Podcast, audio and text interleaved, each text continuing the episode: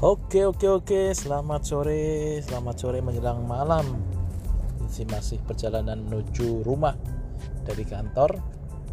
Saya rasa teman-teman semua juga masih dalam aktivitas masing-masing. Tetap semangat dan saya selalu mendoakan semoga kita selalu dalam kondisi yang sehat dan tetap bisa beraktivitas di kondisi yang seperti sekarang ini. Oke, okay, uh, eh, sore ini Senin, um, ya ada yang bilang I hate Monday, tapi kita tidak boleh hate ya, karena katanya setiap hari itu basically sama ya, kita harus tetap semangat. Saya mau bahas apa ya? Membahas satu hal yang tadi kebetulan teman-teman nanya ya, nanya karena ada beberapa yang satu dan lain lain hal itu tidak seproduktif temennya yang lain. Dan uh, keluhannya klasik ya karena katanya sudah beraktivitas sudah melakukan semua yang bisa dilakukan dan akhirnya masih belum berhasil dan selalu mengatakan bahwa ya capek pak gitu kan. Nah saya pernah menulis mengenai hal ini sebetulnya. Ya mungkin saya udah lupa kapan itu. Ya saya pernah nulis ya intinya capek itu cuma rasa intinya. Capek itu cuma rasa ya ibarat uh, orang capean pegel gitu ya. Terus kemudian dipijet hilang. Tapi mungkin juga rasa pegal itu memang kita yang create. Jadi mindset kita atau pikiran kita yang membuat oh kita itu merasa capek nih gitu. Sama kayaknya kita uh, seperti kita ketika kita bangun tidur ya. Bangun tidur itu uh, ada dua pilihan.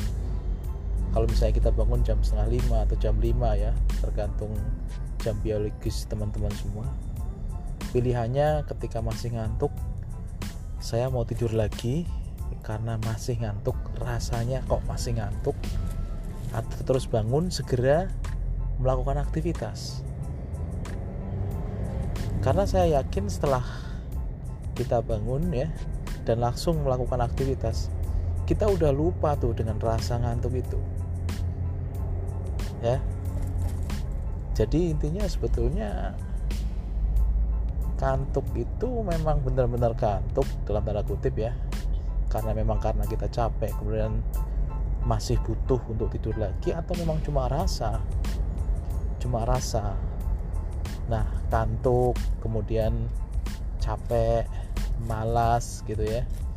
Itu saya sih yakin itu rasa.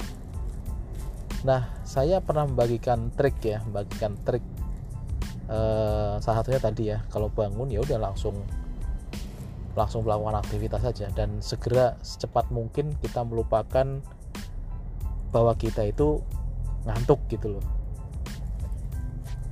Nah, saya waktu itu saya sampaikan juga pernah di briefing gitu ya. Briefing ke teman-teman. Jadi rasa itu ibaratnya kopi. Jadi kopi itu pahit ya. Rasa kopi pahit saya seneng ngopi, cuma kopi saya memang tidak saya kasih gula. Saya suka kopi pahit bagi orang-orang awam yang baru baru belajar untuk menikmati kopi dia mungkin akan melihat wah ini oh pahit gitu loh. Tapi coba ketika kita minum kopi itu kita nongkrong bareng orang-orang yang enak diajak ngobrol mau berbagi bisa sharing dan kita bisa mengambil ilmu dari situ. Sedemikian juga kita kalau misalnya kita ada beberapa hal yang kita bisa share rasa kopi itu jadi tidak pahit. Malah justru jadi manis. Karena apa? Karena kebersamaan. Dan yang paling penting kita melupakan rasa kopi itu sendiri. Berganti dengan manisnya ya kan?